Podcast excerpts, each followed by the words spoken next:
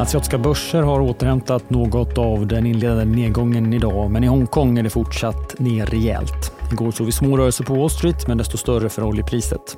Stockholmsbörsen ser ut att öppna i sidled. Det är fredag den 17 november. Du lyssnar på det i Morgonkoll jag heter Alexander Klar. Flera börser tappade initialt i natt i Asien, men på flera håll har man nu tagit igen nedgången. Tokyobörsen har till och med vänt upp. Hongkongbörsen är ner över 2% och index tyngs av techjätten Alibaba som meddelat att det inte blir någon uppstyckning av bolaget som varit planen ett tag.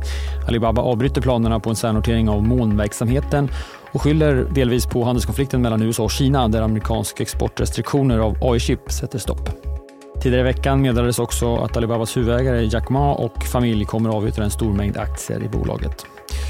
På tal om det, Volvo Cars ägare Geely backar 1% meddelade ju igår att de ska avyttra aktier i Volvo Cars. Geely vill sälja aktier för 4 miljarder kronor och beskedet gick oturligt ut någon minut innan Stockholmsbörsen stängde igår och han tynga Volvo Cars-aktien.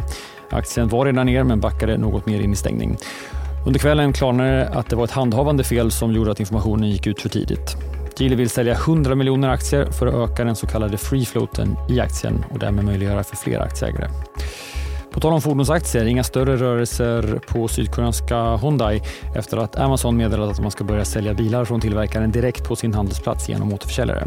Hyundai är första bilmärket och planen är sen att det ska utökas. Amazons aktier reagerade inte heller på detta igår på Wall Street. Och det var en stilla dag på New York-börserna. S&P 500 och Nasdaq inledde nedåt men steg in i stängning och båda börserna stängde närmast oförändrade.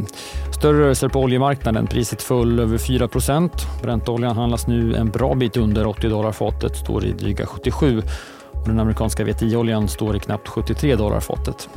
Oljepriset har fallit 20% på bara två månader. Och triggern igår var att amerikanska råoljelager ökade mer än väntat. Och det finns en tydlig oro kring världskonjunkturen som avspeglas i oljepriset. Det här gjorde ju att energibolagen var de stora förlorarna på Wall Street. Klädbolaget Gap var däremot en av vinnarna i efterhanden. Bolaget släppte kvartalssiffror efter stängning och aktien steg över 10 Både försäljning och resultat var bättre än väntat samtidigt som lagret minskade. Bolaget behöll också sin guidning för helåret. Så till Sverige. Vi får flera rapporter under morgonen, bland annat från klädmärket Björn Borg och vi har koll på Synsam som släpper kvartalssiffror. Vi intervjuar dessutom bolagens vd under morgonen. Även e-handelsbolaget Pierce släpper siffror. Pierce märker den ekonomiska inbromsningen och ser över sitt behov av personal. Bolaget drar igång ett effektiviseringsprogram för att spara 25 miljoner kronor om året, vilket bolaget säger kan beröra runt 50 årstjänster. På tal om neddragningar, tittar vi på dagens agenda så väntas svensk arbetslöshetsstatistik klockan åtta. Arbetslösheten låg på 7,7 procent förra månaden.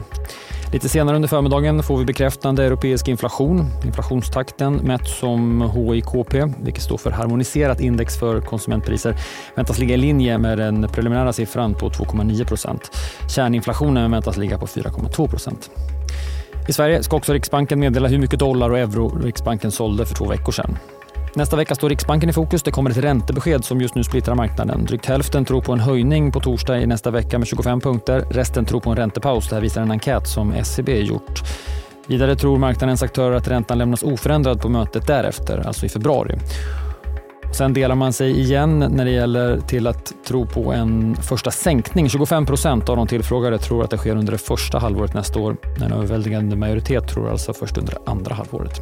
Det är långt dit, mycket kommer att hända, bland annat Börsmorgon i DTV. Det startar idag klockan kvart i nio och gästas av förvaltaren Karl Armfelt. Dessutom flera vd-intervjuer som jag nämnde. Ni hittar allt på sajten di.tv. Börsmorgon kommer också som podd, precis som det i Morgonkoll. Som är tillbaka på måndag. Ha nu en trevlig helg. Jag heter Alexander Klar.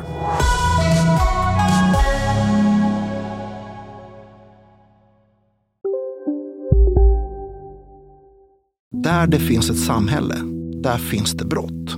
Krimrummet är podden som tar brottsligheten på allvar.